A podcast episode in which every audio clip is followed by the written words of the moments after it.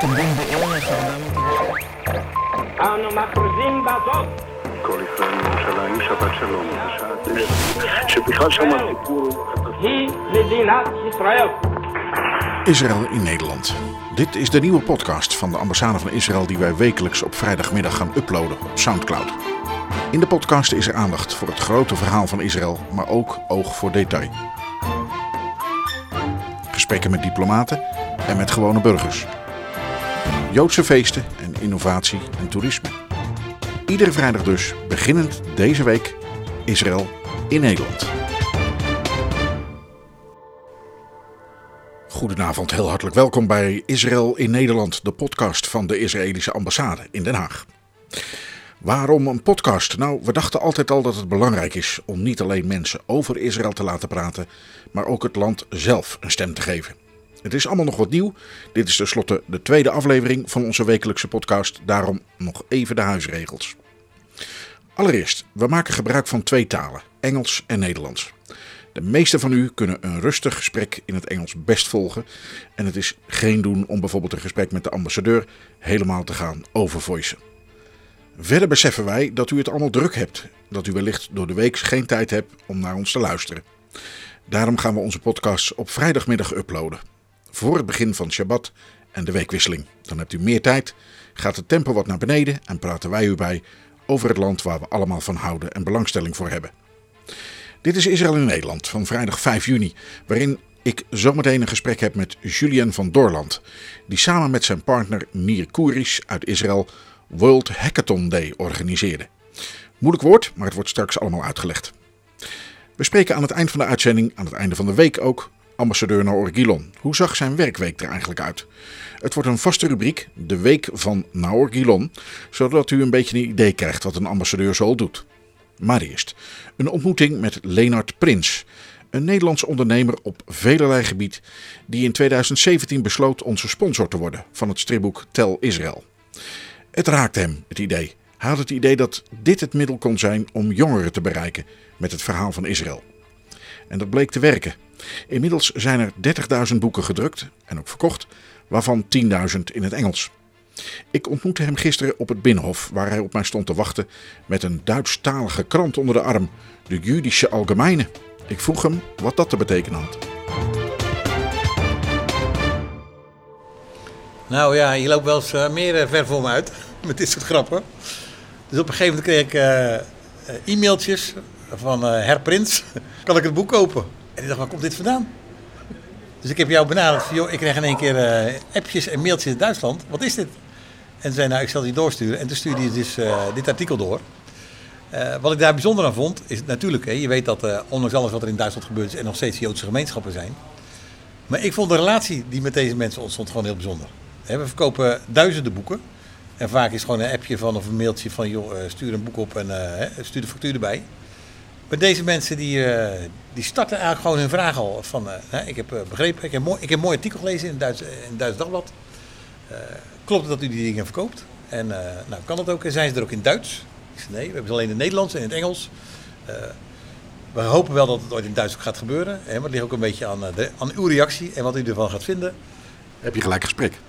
Ja, en ik zal niet overdrijven. Ik denk dat 80% gewoon persoonlijk reageerde. Een prachtig boek. Mooi dat in deze tijd eh, nou, jullie deze moeite nemen om dit eh, aan de wereld uit te leggen. En met name aan onze jongeren uit te leggen. Want niet alleen in Nederland eh, bloeit en groeit het fascisme en, en al die dingen die bij samenhangen. Maar ook natuurlijk in Duitsland. Het is schrikbarend ook wat daar gebeurt. Dat ook de, de Joodse jongeren wel zich afvragen, wie, wie ben ik eigenlijk? Hè? En waar hoor ik bij? Nou, ook, hè, dan is dit een hele mooie laagdrempelige. Dan gaan die ons Nederlandse stripboek zitten lezen. Wat zei je? Ik zeg, en dan gaan die ons Nederlandse stripboek zitten lezen. Dat is toch apart hoe zoiets gaat dan eigenlijk, hè? Ja, ik, eh, ik vond het ook wel, eh, ook vanuit mijn eigen historie dacht ik van, eh, nou, dit is heel mooi. Dat een Jood in Duitsland een Engelstalig stripboek gaat zitten lezen. Misschien moet het bij het Engels houden, Gemaakt door die Hollanders. gemaakt door die Hollanders. Maar ik denk, wil je het echt kunnen lezen, dat je dat altijd in je moederstaal moet lezen. Dus dat geldt ook voor het Duits. En eh, ik ben nu een beetje aan het, eh, aan het uitvogelen met deze mensen. Van, nou, hebben jullie nog meer mensen? Ja, want wie, wie, wie eh, herinner je nog bijzondere bestellingen of zo? Of bijzondere instituten of instellingen die, die zich melden bij jou aan de deurbel? Ja, er hebben wat Joodse instellingen gereageerd. Op een gegeven moment kreeg ik ook een, een bestelling uit Zwitserland. Van een kloosterbibliotheek. Echt waar? En die kloosterbibliotheek, eh, die, die beheerder daarvan, die had het ook gelezen in de krant. En die vroeg of het mogelijk was om eh, vijf van deze boeken te bestellen. Maar een klooster, dat is katholiek. Dus dat is helemaal niet... Die lezen daar dus de Joodse, de Joodse krant. Ja, die discussie ben ik me niet aangegaan, want ik dacht dat kost me handel. Maar het is al mooi, ik heb dus die vijf boeken heb ik daar naartoe gestuurd. En eh, deze man die gaf ook gelijk aan, van, joh, geweldig, eh, maar zou dit ook niet in Duits kunnen? Dus ik heb gezegd van nou, probeer ook eens gewoon in je omgeving te kijken of hier eh, behoefte aan is. En ik denk, als ik alles bij elkaar optelt, dat we nu al eh, een 2500 tot 3000 eh, boeken zouden kunnen eh, kwijtraken in het Duits. Eh, dus ik ben dat overwegen. Wij hadden altijd gezegd van nou, eh, bij 5000 stuks is het rendabel om het te vertalen en te drukken. Dan worden de kosten gedekt door de verkoper. Ja, en in dit geval denk ik, als ik gewoon ziet de, de mooie reactie van deze mensen, de persoonlijke reactie van deze mensen, van wij moeten gewoon met 2500 gaan drukken. Dus eigenlijk eh, Zijn we er bijna. zijn we er bijna. Ehm, ehm, Duits, daar hebben we het nu over. Dat is naar aanleiding van een artikel. Daar hadden we helemaal niet eh, kunnen hopen of durven denken dat, dat er zoiets dan uit voortgekomen. Voor je het weet, een vertaling. Ehm, zijn er nog andere talen? Frans, Spaans, weet ik veel. eh, eh, nou, wat hebben we nog meer? Engels hebben we al. Russisch? Russisch zijn we al in een vergevorderd stadium. En dat heeft een aantal redenen. Er zitten natuurlijk heel veel Joodse of Russische immigranten in Israël zelf. En ook voor de jongeren geldt, hè, als je dat in je moerstaal kan lezen, is dat het mooiste. Maar er zijn ook heel veel eh, Joden die nog op, hè, op, op de Aliyah wachten. Het is ook een prachtige voorbereiding voor de jongeren. Aliyah is de terugkeer, hè? dus als Joodse mensen immigreren naar Israël. Ja, en dan kunnen ze dat voorbereiden hè, op een eh, laagdrempelige manier. Dus wij hopen dat het zijn, afname vindt in Russisch-talige gebieden, maar ook in Israël zelf. Nou, daarnaast eh, hebben wij een, eh, eh, Denk je dat het groot wordt? ik schat het op enkele tienduizenden. Dat meen je niet. Aan de hand van de gesprekken die wij nu al hebben. Alleen ik ben ook ondernemer genoeg. Ik heb liever één, één vogel in de hand dan tien in de lucht. Maar als ik deze dingen serieus neem, dan denk ik dat we daar kunnen gaan komen met minstens 20.000, 30.000 exemplaren. We zijn bezig met eh, Frans. O- aan het over nadenken, omdat we ook onder andere ook uit Canada eh, vragen gekregen hebben. We hebben vragen gekregen uit Amerika. Alleen dan moeten we toch even, eh, even iets anders eh, omgaan met onze vertaling. Hè? Want Engels, Engels of Amerikaans-Engels, dat is natuurlijk een verschil. Eh, we hebben ook een verzoek gekregen uit Catalonië. En dat is ook een hele bijzondere. Dat is toch raar? Nou, Ja, raar, ik denk- maar apart. Ja, ehm, nou, misschien dat we het moeten zoeken ook in hun vrijheidsstreven. Om als onafhankelijke eh, land, staat eh, verder te kunnen gaan. En die behoefte heeft ook Israël ook gehad, 2000 jaar lang. Spaans? Spaans, daar heb ik ook contact gehad naar aanleiding van een, eh, een andere uitgave. Ik hoop dat ze weer op lijn komen, want ik ben het nummer kwijtgeraakt van de uitgever daar. Maar als- Oh, vragen. dan komt hij terug. Ehm, ja, ik kan me zo voorstellen dat mensen zeggen van... moet zoiets eigenlijk dan ook in Israël niet beschikbaar komen? Of zou je zeggen van ja, in Israël weten ze hun eigen geschiedenis al lang? Nou, ze zijn beschikbaar. We hebben een pallet eh, met 2500 Engelstalige eh, stripboeken daarheen gestuurd. Alleen door corona zijn die beland op Cyprus en nog niet in Asdod, waar ze voor bestemd waren. Gewoon, ik zeg, uitladen in eh, Cyprus en daar verkopen, want daar spreken ze vast Engels. Ja, dus eigenlijk het Grieks moeten doen. Alleen dit is natuurlijk eh, een technisch probleem, want de vrachtbrief staat op Asdod en niet op Cyprus. En ik hoop gewoon dat ze alsnog in Israël aankomen. Vind je dat belangrijk dat het in Israël eh, beschikbaar komt? Heel belangrijk. Eh, met name omdat Engels daar eigenlijk de tweede taal is. Eh, maar ik zou het nog mooier vinden om dit stripboek in het Hebreeuws aan te kunnen geven. Alleen daar heb ik mijn eigen wat in overschat. Ik dacht dat is een simpele vertaling. Maar ja, je moet ook van rechts naar links gaan werken. En van achter naar voren. En van achter naar voren. Dus dat betekent eigenlijk dat je een hele andere opzet krijgt van dit stripboek. En we hem eigenlijk helemaal opnieuw moeten gaan zetten. Maar ook hetzelfde weer als daar maar enige behoefte aan is. Dan ben ik echt bereid om eh, ook dit te sponsoren. Maar krijgen ze dan hun eigen geschiedenis niet op school? Eh, hebben ze dan echt onze, onze strip nodig? Nee, alleen het is een mooie toegevoegde waarde. de Nederlandse markt. We, hebben, we zijn ooit begonnen met 10.000 boeken. Dat was de eerste druk. En dat ging heel goed. Toen is er een tweede druk gekomen, ook van 10.000. Op, op welk, eh, hoeveel, wat is het verkoopcijfer tot nu toe? Ik denk dat we al richting die 20.000 gaan.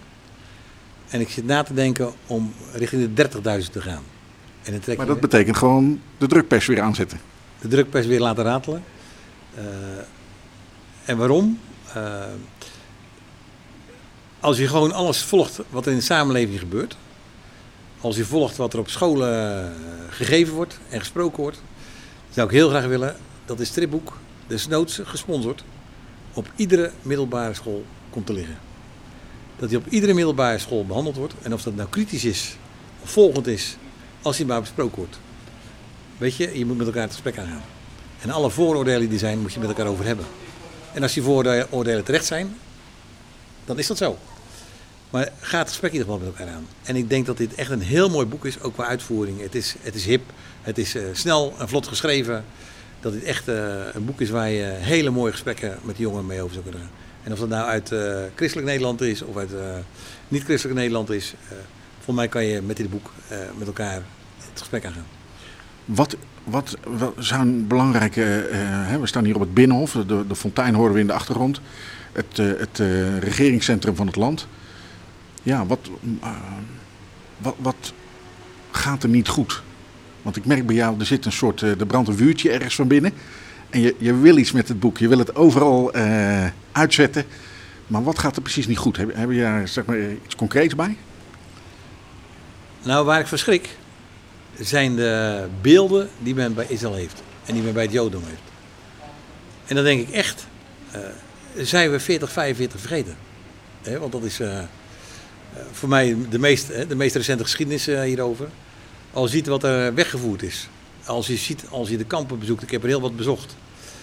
Ik kom zelf uit het dorp Putten. Waar de oorlog heel dichtbij gekomen is. Waar eh, ruim 600 van onze mensen zijn weggevoerd. En hier hebben we het over eh, ruim eh 5 miljoen. Het is eh, geen enkele verhouding, maar dan denk ik van joh, dit zijn we toch niet vergeten met elkaar.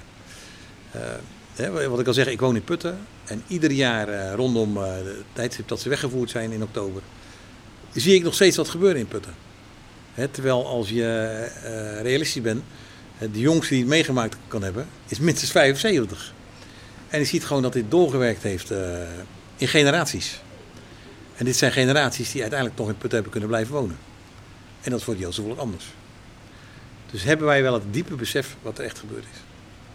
En wat ik dan jammer vind, is dat eh, we allerlei discussies in Nederland mogen aanzwengelen. Het maakt niet uit waar het over gaat. Wordt ruim aandacht aan besteed.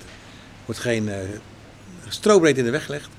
En als we het over dit onderwerp hebben, dan is het altijd, eh, wordt het altijd bestreden of je bent eh, het Israël mannetje, of je bent dit, of je bent dat. Dus ik denk, joh, laten we nou gewoon het gesprek met elkaar aangaan. Ehm, even de laatste vraag, Leenaert. We staan hier op het Binnenhof. Moet de Nederlandse overheid eigenlijk niet een rol spelen? Niet per se met eh, de promotie van ons boek zozeer, maar met het aanzwengelen van dat gesprek en het aanzwengelen van onderwijs in die richting. Ja, het zou natuurlijk mooi zijn als het ministerie van Onderwijs ook gewoon eens kijkt naar het aanbod op middelbare scholen. Hè? Is dat aanbod eh, in verhouding tot de werkelijkheid? En dat zou mooi zijn als we in ieder geval de moeite nemen om eens eh, naar de balans te kijken. En even een stripboek open te doen. Liefst twee.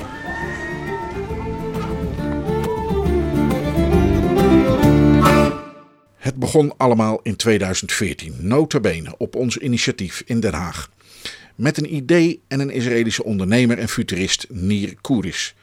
World Hackathon Day. Toen leverden 40 bedrijven een probleem in en deelnemers uit zes landen moesten een oplossing bedenken in een dagtijd. Dit jaar werd het evenement opnieuw gehouden, virtueel wegens corona, op initiatief van Julian van Dorland, in samenwerking weer met Nier Kouris. Julian is ondernemer, student en ontwikkelaar van allerlei technologie op virtueel gebied. World Hackathon Day duurde drie dagen en er deden maar liefst duizend mensen uit 85 landen mee. De jongste deelnemer was 10 jaar oud. Ik ontmoette Julian deze week bij de Hofvijver in Den Haag nadat hij een hele dag had geslapen omdat hij 48 uur online had gewerkt. Julien, we staan nu uh, buiten het Binnenhof, het Nederlandse uh, parlementsgebouw met de Hofvijver uh, in de achtergrond. Um, Jij komt uit een soort eh, tunnel, hè? Ja. Wat, heb je, wat heb je gedaan de laatste dagen? De laatste dagen ben ik aardig druk geweest met het organiseren van eh, de World Hackathon Day. Dat is eigenlijk eh, dat je binnen een bepaalde tijd eh, iets, ja, iets moet oplossen. In dit geval hebben wij, wij- dus ehm, corona-challenges bedacht. Eh, en dat wilden we eigenlijk gaan oplossen met de nieuwste technologie. Dus we willen eigenlijk ook de nieuwe technologie een boost geven in deze nieuwe wereld. Omdat we natuurlijk een nieuwe wereld in gaan met anderhalve meter. Dus ehm, ja, dat hebben we dus opgezet. Mensen he- hebben zich aangemeld, hebben allemaal projecten gemaakt. En daar zijn we dus de laatste ja, maand en vooral de laatste drie dagen heel erg druk mee geweest. Ja, want dat is een eh, World Hackathon Day, maar het, waren er niet, het was niet zomaar een dag, het waren er een paar. Eh, hoe lang ben je alles bij, want het was online, we konden dit jaar natuurlijk niet eh, bij elkaar zitten vanwege corona. Hoe lang ben je alles bij elkaar online geweest? Poeh, als ik alles bij elkaar op zou dan denk ik dat ik wel meer dan 500 uur eraan heb gewerkt, denk ik. De laatste twee dagen wel, ik denk dat ik wel tegen de 8 48 uur aan zit. Ehm, ik heb ook één dag gewoon volop geslapen. Omdat het gewoon, ja, ongelooflijk, eh, je moet gewoon, ja, het is gewoon ongelooflijk, je moet gewoon telkens online zijn. Ehm, Waarom dan? ja, mensen zitten over heel de wereld. Dus eh, die moet je gewoon de hele tijd eh, contacten. Je moet ze, ja, kijk, als een team een vraag heeft, dan moet je dat beantwoorden. Ehm, als iemand niet weet wat hij moet doen, dan moet je dat ook beantwoorden. Ehm, je moet dingen nakijken, je moet ervoor zorgen dat er mentors er zijn. Je moet er gewoon een beetje alles in de gaten houden of, of mensen wel, wel echt, ja, echt ook iets doen. en niet dat ze zomaar dingen inleveren en dat ze zich ook gewoon aan de regels houden die we hebben op, eh, opgezet. Nou is een Hackathon Day normaal gesproken een eh, hele grote hal. Waarbij eh, nou ja, slimme mensen van over de hele wereld over een bepaald vraagstuk gaan nadenken en proberen daar met oplossingen te komen. Door corona, dat zijn we net al, kon dat natuurlijk niet allemaal fysiek. Dus jullie hadden het online, virtueel georganiseerd. Ja. Even kijken, hoe, hoeveel mensen deden er aan mee? Duizend man deden er ongeveer mee. Duizend man. Ja, ongelooflijk. Over heel de wereld, duizend man. De meeste mensen komen uit India, eh, ook uit 85 landen in totaal. Dat is echt ongelooflijk. En eh, ze hebben meer dan 200 projecten ingediend. Eh, en die projecten die hadden allemaal met die vraagstelling van jullie te maken. Wat, wat, was nou precies de bedoeling? Nou, we hadden acht challenges bedacht. vooral met economie, hoe dat dan gaat verder. Met travel, dus hoe gaan we nou reizen. Ehm, nou, mensen hebben dus eh, dingen bedacht met virtual reality en, en hoe je dan naar bepaalde gebieden kunt komen. En die hebben dan hele apps en programma's gebouwd om daar te komen. Dus dat is wel, eh, ja, dat- er zijn wel hele mooie projecten uitgekomen. En dat is dan eh, virtueel, dus dat, dan hoef je er niet meer heen te reizen. Dus travel wordt niet meer fysiek, maar dat, gaan ze dan, dat ga je dan virtueel doen eigenlijk. Ja, dat wordt dan dus via de, via de virtual reality bril gedaan. En dan zit je altijd te denken van, hey, niet iedereen heeft zo'n VR-bril. Maar die, die mensen hebben er ook, zeg maar, de participants hebben er ook aan gedacht. En die hebben ook eh, met, met AR samengewerkt. Dus eh, nou, dan kan je dus ook gewoon met, met AR, augmented reality, dat je gewoon met je telefoon ook naar die gebieden zou kunnen komen. Ehm, maar dat is toch veel minder leuk als dat je er echt zelf bent. Of heb ik het mis? Eh, ten eerste wel. Het is natuurlijk wel altijd leuk om, om foto's te delen van hey, ik sta nu hier. op, op Instagram, et cetera. En ehm, nou, dat, dat is natuurlijk wel leuk om daar de reacties op te krijgen. En het is ook wel leuk om dingen te, te, zien, maar het is natuurlijk wel minder, want je, je, ja, je voelt het weer niet. Eh, het regent, misschien het, het, het, eh, de, ja, de zon schijnt. Dat soort dingen, dat, dat, dat voel je allemaal niet. Dat is natuurlijk wel jammer. Ehm, even kijken, je, had een, eh, je noemde dat challenges. Dus dat waren op een, een, een bepaald aantal vragen of een, of een werkveld waarin mensen dan aan de slag moesten. oplossingen bedenken. Kun je eens een voorbeeld geven over, nou, laten we zeggen, iets economisch? Eh, wat, wat, eh, eh, wat was de vraag? En dan gaan er allerlei teams zich over buigen. Dat deden ze natuurlijk op afstand allemaal. Ja. Ehm, nou, geef eens een voorbeeld. Oeh. Van al die 200 projecten, even kijken of ik nog eentje kan bedenken hoor. Ongeveer. Ongeveer. Ehm, nou, ik heb hier een, een project voor music en entertainment. En wat ze eigenlijk hadden gedaan is dat... nou, je kan natuurlijk niet meer ook naar een festival. Ehm, dat kan je allemaal niet meer meemaken. Dus mensen hebben een, een hele virtual reality, alweer virtual reality, een, eh, een ruimte gemaakt. Waarbij dus DJ's van afstand kunnen streamen ehm, naar die ruimte. En mensen kunnen dat dan gewoon, alsof het lijkt alsof ze er echt zijn, kunnen, dat, kunnen ze dat dan weer, weer meemaken. Zo horen ze de muziek, ze kunnen met mensen praten. Uh, het echte gevoel van, van warmte en, en, en, en drukte, dat heb je dan natuurlijk weer niet. Dus uh, aan de ene kant is het ook, heeft het ook weer een voordeel, want als je bijvoorbeeld even naar de wc moet, kan je zo even naar de wc bijvoorbeeld. Dan moet je niet door al die massa's mensen heen om, om ergens te komen. Zet je het even stil. Ja, dan zit het gewoon even stil, even de koptelefoon eraf, even pauze zetten en dan, uh, ja, dan kan je gewoon even, even wat drinken pakken of zo. En dan, ja, dan zet je de koptelefoon, de koptelefoon en de headset weer op en dan kan je weer verder. Nou is eh, eh, de vraag natuurlijk voortgekomen uit jullie denken. Eh, je hebt erin samengewerkt met eh Nier Koeri. Ehm, hoe zijn jullie op het idee gekomen voor deze vraagstelling? Ehm, we hadden eerst, ehm, zagen we verschillende hackathons die werden online gegeven. En eh, nou, daar, daaraan hebben we dus ook meegedaan. Eh, bij eentje waren we in de finale, hadden we helaas niet gewonnen. Maar we waren best wel ver gekomen. We hadden verschillende hackathons gedaan. Of hadden we meegedaan, twee, drie geloof ik. En nou, toen op een gegeven moment zijn we op het idee gekomen om dan iets zelf te organiseren. Om- omdat we zagen van hé, hey, eh, er worden wel mooie ideeën ge- gemaakt door verschillende mensen. En eigenlijk wordt eigenlijk bijna 90% wordt helemaal niks mee gedaan. Want alleen eigenlijk wordt gefocust op de winnaars. En ehm, ja, dus dat is, dat, is wel jammer. Dus wij wilden eigenlijk een, een community maken van, van mensen die echt, eh, echt daarmee bezig zijn, die verschillende projecten hebben gemaakt. En daar dus ook op te focussen. En dat is dan, dan te, te partneren met, met andere mensen en vooral netwerken, dat is ook heel belangrijk. Maar zo kan je dus je idee tot een echte, echt iets maken. En dat is wel het eh, belangrijkste waar het natuurlijk allemaal om draait. Nou is er bij jullie ook een winnaar eh, eh, gekomen. Nou, daar hebben we het straks wel even over. Maar die 200 ideeën die dus zijn ingeleverd, die worden nu niet, de, negen- de 199 andere worden niet in de prullenbak gegooid, begrijp ik. Nee, zeker niet. Zeker niet. Eh, we zijn dus nu bezig een matchathon aan het organiseren. En eh, een match- Matchathon, was dat nou weer? ja, een matchathon is eigenlijk dat je een soort after-event na de hackathon. En eh, dat focust zich vooral op eh, het eh, netwerken. Dus het gebied van netwerken, het mensen ontmoeten. Het verbinden van partners, het zoeken van partners. eh, om, ja, om een investering te krijgen, om die dingen nou echt voor elkaar te krijgen. Dus eh, dat zijn we nu aan het organiseren. Ehm, en ik denk dat daar ook wel veel mensen aan, aan mee gaan doen. Omdat we nu eigenlijk een, community server of een community hebben opgebouwd met, met, al, al die mensen. En nou, die zitten natuurlijk over heel de wereld, World Hackathon Day. En eh, ja, daar zijn we nu mee bezig. En is het nou de bedoeling om ze uiteindelijk, deze mensen, dus die hebben in teamverband, hè, hebben, ze, hebben ze een idee bedacht en eh, uiteindelijk ingediend, om die uiteindelijk te koppelen aan investeerders of bedrijven? Ja, dat is wel eh, het uiteindelijke doel om dat natuurlijk voor elkaar te krijgen. Sommige projecten zijn al half af, maar die kunnen natuurlijk nog verbeterd worden als er meer geld is en meer tijd.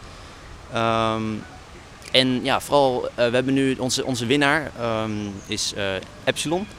En eh, Epsilon heeft een, eh, een masker ontwikkeld wat ervoor zorgt dat, eh, dat er eh, virussen en bacteriën worden gedood eh, door middel van UV-licht. Dus het is niet schadelijk. Ehm, Dus je hoeft niet meer aan de slag met eh, alcoholsprays en zeepotten en weet ik veel. eh. Ja, ja, zeker niet. Er zit een soort eh, ja, UV-licht in, wat ervoor zorgt eh, dat, dat het alles filtert. Dus het is eh, ja, 100% veilig. Het is ook nog eens recyclable. Dus je kan dingen, eh, je kan het gewoon in, in de was doen, in de, in de vaatwasser bijvoorbeeld. Eh, dat lieten ze ook zien in, eh, in, de, in, in een video die ze hadden gemaakt. Want je moest natuurlijk een drie minuten pitch inleveren. Dat hadden ze gedaan. En ehm, En is het dan een, want je zegt vaatwassen, is het dan eigenlijk een soort van, van kunststof, een, een ding wat je echt over je gezicht moet houden? Ja, het is een soort plastic masker, een kunststofmasker. En ehm, dus het is best wel, best wel nou niet heel, omdat plastic is niet zo heel goed voor het milieu, maar je kan het wel recyclen door eh, het te wassen. Dus je hoeft het maar één keer te kopen. Dus je zit niet met al die mondkapjes, die honderden mondkapjes die je moet bestellen, wat ook een probleem is. Ja. Moet je natuurlijk, eh, als je de bus of de trein in gaat, dan moet je natuurlijk één mondkapje gebruiken. En dan ga je weer naar een andere, naar huis bijvoorbeeld, dan moet je weer nog eentje gebruiken. Dus je zit altijd met twee opgescheept als je ergens heen gaat. En in dit geval eh, met één. En nou, dat is best wel handig. En is het iets wat je over je, over je neus en je mond draagt of zo? Of hoe is dat? Ja, je draagt het over je gezicht en je mond. Ik zal even kijken eh, hoe dat er precies uitziet. Dan kan ik even een voorbeeldje laten zien. En waar, waar kwam het team vandaan? Oh, het team kwam vooral uit eh, Bolivia, maar ze zaten ook over over heel de wereld. Volgens mij de teamleider dat kwam uit eh, Duitsland. Dus ja, die mensen, ik weet niet precies hoe ze elkaar hebben, hebben, ontmoet. Ja, dat maar vraag je onmiddellijk af, hè? ja, hoe, hoe komt iemand vanuit Bolivia nou in contact met iemand uit Duitsland? Ja, misschien is het via de hackathon gebeurd, dat ze elkaar hebben gevonden in onze community. Dat weet ik niet zeker. Ehm, maar als dat, zou zijn, ja, als dat zo geweest zou zijn, dan zou het natuurlijk ontzettend tof zijn. Dat je gewoon van afstand gewoon zo goed met elkaar kan werken om gewoon zo'n mooi product voor elkaar te krijgen. Nou ja, en dat is natuurlijk ook het inspirerende van, eh, van zo'n idee als een, als een een World Hackathon Day. Dat je mensen inderdaad uit de hele wereld bij elkaar brengt, fysiek of dan nu virtueel. En, en daar blijken dan allerlei hele interessante connecties uit te ontstaan. Ja, het is eigenlijk één groot netwerkevent om me- mensen te ontmoeten die eigenlijk hetzelfde eh, eh, willen of hetzelfde, eh, ongeveer hetzelfde idee hebben om, ja, als jij. En waar je zit, dat maakt eigenlijk niks meer uit. Nee, dat maakt natuurlijk helemaal niks meer uit. Al zit je in, in India of in Bolivia of in Duitsland of in Nederland. het maakt allemaal niet meer uit. Ehm, zullen we nog even kijken naar dat masker wat, wat, dat, van de winnaar, hè, zeg maar. Dat laten we even... Je kijkt nog even in je telefoon. Oké, dan krijgen we zelfs een klein filmpje. Het, is een, ja, het ziet eruit inderdaad als een soort mondmasker... wat je eigenlijk inderdaad over je neus en je mond hebt. En dan met een soort fietsstuur eraan lijkt het wel. Lijkt het wel op inderdaad. Ja, het is eh, een eh, siliconen eh, masker met transparante PVC. En nou, er zitten dus removable UVC light tubes in. En dat ervoor zorgt eigenlijk ehm, ja, Dus je, dat het... je ademt in, dan komt de lucht stroomt binnen, want het is natuurlijk plastic. Ja. Stroomt door die buizen naar binnen. En terwijl de lucht naar binnen stroomt, is het UV-licht het aan het... Oh ja, ik zie het nu op het filmpje. Er is een, eh dan zie je die, die coronabolletjes voorbij komen. Dan gaat het licht aan en dan zie je ze inderdaad gewoon helemaal desintegreren. Ja, zeker. zeker. En er zit nog een filter in, wat er nog voor zorgt dat het, eh, ja, eigenlijk stof en, en al dat soort gebeuren tegenhoudt. Uh, dus er zit ja, inderdaad een, een, uh, ja, een air inlet, een soort uh, ja, een opening waar, waar lucht doorheen komt. En ervoor zorgt dat het UV-licht, dat, het, uh, dat alle bacteriën en virussen doodt inderdaad. Ik denk wel dat ik zo'n ding opzet dat, dat, dat ik A, veel bekijkstrek op straat en dat heel veel mensen er ook om moeten lachen. Ja, zeker. Maar, ja, maar dat heb je nu ook met die uh, maskers natuurlijk, hè, die iedereen draagt. Dan denk je ook van, ah, ja, het is een beetje gek allemaal. Maar ja, op een gegeven moment dan wen je er wel aan en dan uh, wordt het een beetje ja, normaal. Heb je nog aparte dingen meegemaakt? Um, um, nou, dat je dacht van, tjoh, dat is toch ook bijzonder deze keer. We hadden uh, een, een tienjarig jongetje. Tien jaar? Tien jaar uit uh, India. En die had vol, vol met ideeën. verschillende ideeën had hij. verschillende versies ook had hij ingeleverd. Hij zat op versie 3 of zo om het gewoon nog beter te maken. En hij is nu nog steeds bezig. Um, hij had... Wat was het? Ja, de, zijn project heette de Virus Limiter. En uh, ja, hij wilde eigenlijk gewoon het virus gewoon in, in uh, dempen en hij had verschillende ideetjes. Uh, hij heeft uh, gewerkt met drones. Dat was ook van onze, onze technologie die wij hadden. Hoe ga je dan met drones om? Want je kan natuurlijk wel mensen het post laten bezorgen. Maar ja, drones gaan natuurlijk veel gemakkelijker en je hebt dat menselijke contact niet. Dus dat is een van, van die dingen om, ja, wat je kan bedenken. Dus het virus in te dammen? Ja, zeker. Daarom ook de Virus Limiter. En nou, hij heeft dus met drone delivery gewerkt. En dat idee dat heeft hij nu dus in, op versie 3 zitten. En hij heeft wel wat mensen om zich heen. Dus dit is eigenlijk één groot netwerkevent, wat ik net al zei. Want uh, hij krijgt nu allemaal uh, aanbiedingen van, van, van, netwerk, ja, van, van mensen, van developers, om, om, uh, ja, om, om met hem samen te werken. Van hey, misschien kunnen we, weet je wel. Dat is toch wel een rare wereld. Dan gaat daar de deurbel. En dan denk ik dat de postbode er staat, hangt er zo'n drone voor mijn neus. Ja, zeker. Ja, dat is natuurlijk heel, heel gek om te zien. Op dit moment zie je dat niet, niet zo heel erg veel. Eigenlijk bijna helemaal niet. Nee. En uh, daarom uh, ja, focussen, wij, uh, focussen wij ook op die nieuwe technologieën die wij gewoon een boost willen geven in, in deze nieuwe wereld. Omdat gewoon, ja, want de technologie is er wel, maar er wordt nog niet zo heel veel mee gedaan. En nu zijn, staan mensen veel meer open voor verandering, ook met mondkapjes en alles en het hele corona gebeuren. Dus dan denk ik dat we dit eigenlijk ook iets meer moeten, moeten pushen, eigenlijk een boost moeten geven. Ja. Um, de wereld, jullie hebben natuurlijk met z'n allen een paar dagen nagedacht over de wereld na corona. Is het een gekke wereld? Dat is een hele goede vraag. Um, op het eerst wel, denk ik. Maar ik denk natuurlijk dat we er wel allemaal aan wennen. Um, en, en waarom in het begin wel?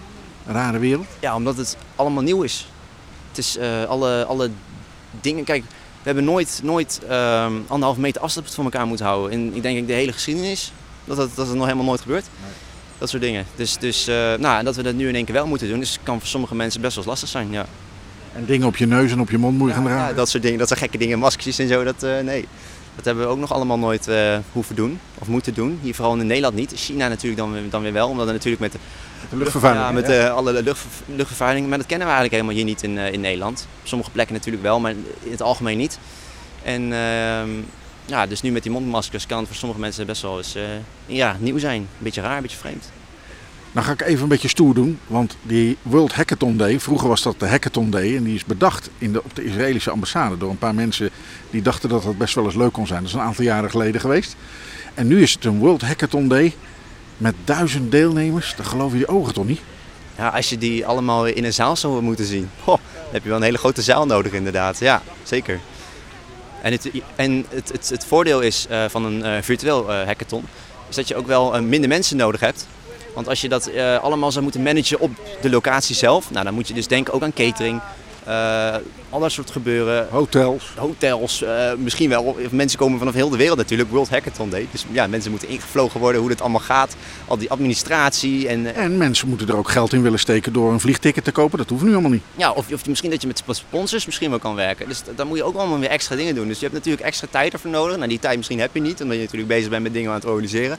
Dus je hebt allemaal ja, meer mensen nodig. Dat is wel een voordeel van iets als je virtueel doet. Dat je gewoon met een paar mensen gewoon een heel event kan organiseren van duizend man. Een World Hackathon Day in de wereld na corona, die gaat misschien wel nooit meer fysiek plaatsvinden. Dat wordt vanaf nu misschien altijd wel virtueel. Ja, kostmatig is het eh, beter inderdaad. Ja. Ja, en, en natuurlijk, als je mensen zou moeten invliegen waar we net over hadden, dan zit je ook met het, eh, ja, met het milieu en, en hoe ga je daar nou mee om. Dus eh, het heeft eh, wel zijn voordelen inderdaad, een virtueel iets. Elk voordeel heeft zijn nadeel. Hoe zat het ook weer? Nou ja, weet ik niet meer. Ehm, hoe groot was jullie team? Dat is even het laatste, want eh, eh, jullie hebben als, met een vrij klein team eh eraan gewerkt. Hoeveel mensen, eh, noem, eens wie is de baas en zo? Oh, de, de, de mensen die echt alles ja, hebben georganiseerd, dat zijn eh Nier Koeris en ik. En eh, ehm, we hadden nogal één iemand en die was vooral bezig met de eh, tekst schrijven en de community. Dus die was zich daar vooral aan het, op aan het focussen. Eh Nier was vooral bezig met de partners, ehm, om dat allemaal goed voor elkaar te krijgen. En ik was vooral echt eh, de livestream, ehm, de video's, het design, de website. Eh, dat het allemaal gewoon goed in elkaar zit en, en, en ja, dat we gewoon een community kunnen maken. En ik denk dat we gewoon met z'n drieën gewoon een supergoed team zijn. En Dat is toch ongelooflijk dat drie mensen, duizend man uit, en vrouwen uit de hele wereld aansturen. Waar 200 ideeën uitkomen die gewoon allemaal verder. Ik ben echt respect. Julian. Dankjewel, dankjewel. Ja. Ehm, het is ook allemaal een beetje gek. Je ziet natuurlijk duizend man, ja, dan zie je een getal. Maar je kan ook wel duizend volgers hebben op Instagram en dan denk je ook, ja, dat is ook maar een getal. Maar als je die mensen nou echt in een echt ziet, fysiek, dan denk je zo. Nou, dat is een event. Dat kun je wel zeggen, ja. Eh, hoe kijken jullie erop terug? Met z'n drie of met z'n vier? Misschien, ja, misschien met vier, vijf, zes mensen die er ook nog een beetje omheen een rol speelden. Eh, het, het, eh, ja, het was wel druk.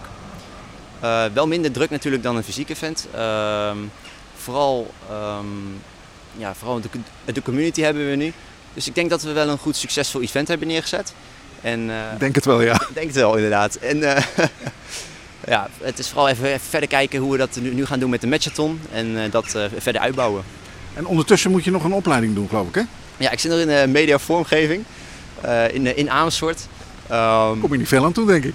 Nee, op dit moment eh, nee. Even niet, nee. Ehm, dus ik heb iets pauze gezet. Ik heb ook eh, ja, best wel wat eh, probleempjes met mijn mentor, maar ik ga het proberen op te lossen.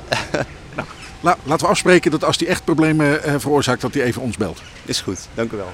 hey, ehm, hoe oud ben je eigenlijk? Want daar ben ik nou ook wel benieuwd naar. 19 jaar ben ik nu. Alle mensen. Dan heb je toch al, al, al een paar mooie dingen neergezet. Ja, zeker, ja. Nou, ehm, eh, heb je hier aan gewerkt met een klein team. Je had het over je chef, Nier Koeris, jijzelf en nog iemand die eh, nou ja, het- zeg maar alle teksten deed, de, de, het, eh, het, het, eh, het, eh, PR-werk. Ehm, dus dat is eigenlijk maar, eh, en misschien nog wat meer mensen eromheen of niet eens? Nou, niet eens. Nee. Dus dat doe je met drie mensen. Dan maak je een evenement voor duizend uit 28 landen. nee Hoe- 85. Uit 85 landen. Hoeveel, hoe, ben je, hoe zijn jullie elkaar eigenlijk op het spoor gekomen? Eh, dat is wel een leuk verhaal. Eh, ik heb mijn partner nog nooit eh, ontmoet en in het echt eh, gezien. Dus je hebt een baas, maar die, die, die je nooit ontmoet. Nee, ja, mijn partner heb ik nog nooit ontmoet. Nee, nee. Dus ik heb hem nog nooit echt fysiek gezien. En dat is wel ook wel leuk om natuurlijk iets virtueel te doen. Nou, dat past gewoon perfect. Ik heb hem drie maanden of twee maanden geleden had ik hem, zag ik zijn Instagram, heb ik hem een berichtje gestuurd via LinkedIn. En toen zijn we gaan praten en toen, nou, dat connecte gewoon top en qua werk en zo. En, en toen zijn we gewoon dit eh, gaan starten, dit project. En eh, nou, hier staan we nou. Interessant allemaal. Ik wens je veel succes en dank voor het gesprek. Dank u wel. Het is vrijdag, eind van de werkweek. Vanmiddag liep ik door de gang naar het kantoor van ambassadeur Naor Guilon. So, Andre, you wanted to know what did I do this week? I have to Exactly. I have to give you my uh, weekly report to see that I'm uh, working hard. So, uh, I had a great phone call from uh, my new Minister of Foreign Affairs, Ashkenazi, who uh, is phoning now some of the ambassadors every day, like a couple of ambassadors, uh, to hear about their countries uh, and to tell to tell them his vision. So it was a great call. And um He's a former general, right? Can he be a good minister for foreign affairs, you think? Yeah, of course, because uh, our military is dealing a lot with uh, foreign affairs, foreign military. So he's he, he did many many jobs after that, also in private sector, businessman. So he's really prepared for the job. It's it will not be too hard for him, and uh, uh, it, it will be easy, and he will be a good minister because he he is a, a good manager. And one of the values of being a minister in general, and Ministry of Foreign Affairs is not a mini- small ministry, is to be able to to push the organization forward in the direction you want. And being a good manager and a good leader, of course, is a quality that helps a lot in this. So a day after that, uh, the same Minister Ashkenazi spoke to Minister Bloch, like an introductory phone call that they had, which was uh, by the accounts of both of them, was a, a very good uh, uh, talk. Uh, and um, I think that uh, we are waiting for the post corona time to also have Minister Bloch visit Israel. He was already planned, but everything, you know, we had elections and corona, so everything was pushed back. Uh, and would love to have him. Just a question in between. Did you what did you tell uh, the minister about the Netherlands? Was there anything specific that you you wanted to uh, bring under his attention? Um, no, uh, we, I also knew that he's going to speak to uh, Minister Bloch the next day, so I prepared him a little bit on the topics that will probably be, be up and what is on the agenda between the countries. He was interested uh, how is the Netherlands dealing with the corona. So I gave him also a briefing about the Dutch approach, the numbers here, uh, uh, the improvement lately. Uh, so we had a, a long discussion on, on many many issues on this in this regard. Uh, well, I had uh, my first uh, Corona period visit outside of The Hague. I went to Friesland. I met. So you thought, you know, since I'm going out anyway, uh, I will make uh, quite a trip. Yeah, so we it's a good two hours drive. Uh, I met there the King's Commissioner, uh, if I remember well, uh, your former uh, mayor of uh, Dordrecht. Don't rub it into we we really miss the man. Yeah, I, I, I was very impressed in the meeting with him. I can understand why he was a very popular mayor before becoming King's Commissioner. And also the mayor of uh, Smolingerland. How do you call it? Smallingerland. Smolingerland. So, yeah.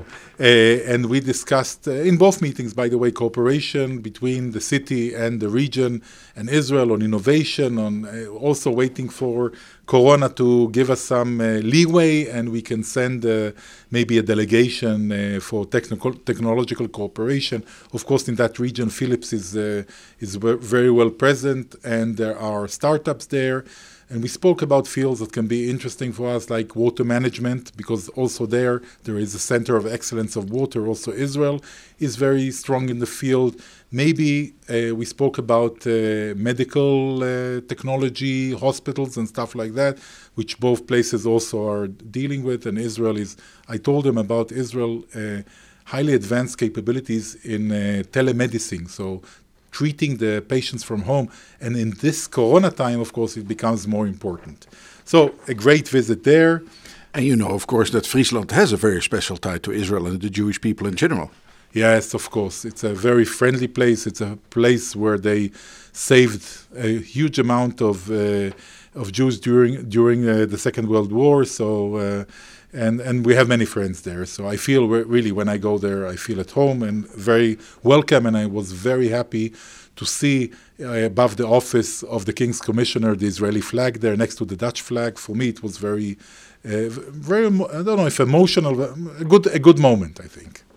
So this was that. I'm I, for the last two weeks uh, again. Corona. Corona is leading everything. Uh, I'm doing mostly one-on-one lunches with different uh, people, like uh, politicians, uh, diplomats. American ambassador, for example, was in my home. A, a journalist. A, I have a. I had a European Parliament uh, member of the European Parliament from the Netherlands. So I'm I'm trying to meet people and still keep uh, the distance and doing it a little bit more cautious and according to the rules. What else did I have this week? Well, uh, I think that's more or less. Maybe it's interesting to remind everyone we had a Corona again, Yad Vashem. Yad Vashem uh, ceremony. We do these ceremonies. You know that uh, the Netherlands is a country with the second largest number of people who were acknowledged by Yad Vashem as righteous among the nations for saving Jews during the Holocaust. So uh, we do quite many of these uh, ceremonies here. We were planning to do a ceremony, uh, a big ceremony with a few uh, people together with their families and the, and the families, relatives of the saved people, etc. But unfortunately, we cannot convene too many people in one place. So we took the ceremony to the people's home and we went to a couple of, of people to their homes. We drove and we did outside of the house, so it's not in a closed and, and not too many people, but we also uh, transmitted for the people in Israel, for example, of the saved uh, family of the saved, we transmitted in Zoom. So it was an interactive on the place with Zoom. Very interesting, again, very emotional because these ceremonies are always emotional. Uh, the stories behind, uh, you know, these are people who really risked their lives and the lives of their loved ones to save people that usually they didn't know, by the way. It's not that they had uh, sometimes there there was uh, some previous uh, knowledge or, or, acquaintance, but mostly they didn't know. Just part of the resistance, or people came to them and said, "You need to help this Jewish boy because his parents, he was, you know, they were taken to Auschwitz or something." So it's always emotional and great. And maybe the last thing I would I'd mention it was not a busy week, as you see. But the last thing I would mention is probably the fact that it's the, the Jerusalem Day, the J- day of the liberation and reunion of Jerusalem uh, in 1967. And uh, I saw on Twitter that uh, uh, friends put there the famous picture for us near the Wailing Wall, the Kotel, of the three uh, paratroopers. Uh, and the picture they put is not of the three paratroopers, but uh, one of them uh, Uh, with his grandchildren many, many years after, a few years ago. And this one is Dr. Itzhak Ifat, who I know personally because when I was a young officer, in uh, a reserve officer already in the paratroopers, I went, I was part of that unit who many years before, when I was three years old in 1967, liberated the old city. And this Dr. Ifat, who is known from the picture, the central guy without the, ha- the helmet in his hand, right? Yeah, the helmet in his hand, the good looking young guy. When I came there, he was already a little bit older, but uh, he was our brigade doctor. Uh, and, wow. and some of our soldiers, by the way, who were in the mid 40s already, uh, you know, this is more or less the age when you f- stop doing reserves in these combat units were still people who liberated Jerusalem, and I grew on their bravery and their story. And probably that's one of the reasons that I volunteered to go to the paratroopers. So that's the week as I saw it. The Twitter, uh, the tweet was done, uh, made by friends. Did you comment on anything? Yeah, I mean that's what I I told the story that uh, I knew it's Ifat. He was a great. He's he is still a great guy, uh, and and I commented on it. Yes. We'll put a link on the Facebook page so everybody can read. Ambassador, thanks very much, and uh, let's go for a weekend. You earn it. Shabbat shalom. Ja, en daarmee komen we aan het eind van Israël in Nederland van 5 juni 2020. Fijn dat u luisterde. Attendeert u vooral ook anderen op deze podcast, die dus iedere week op vrijdag aan het eind van de middag wordt geplaatst op ons Soundcloud-kanaal. Overigens zijn wij ook te vinden via Spotify, iTunes, TuneIn, Google Podcast en Stitcher. Niemand hoeft onze wekelijkse podcast mis te lopen. Voor wat betreft Israël in Nederland een goed weekend gewenst en graag tot volgende week.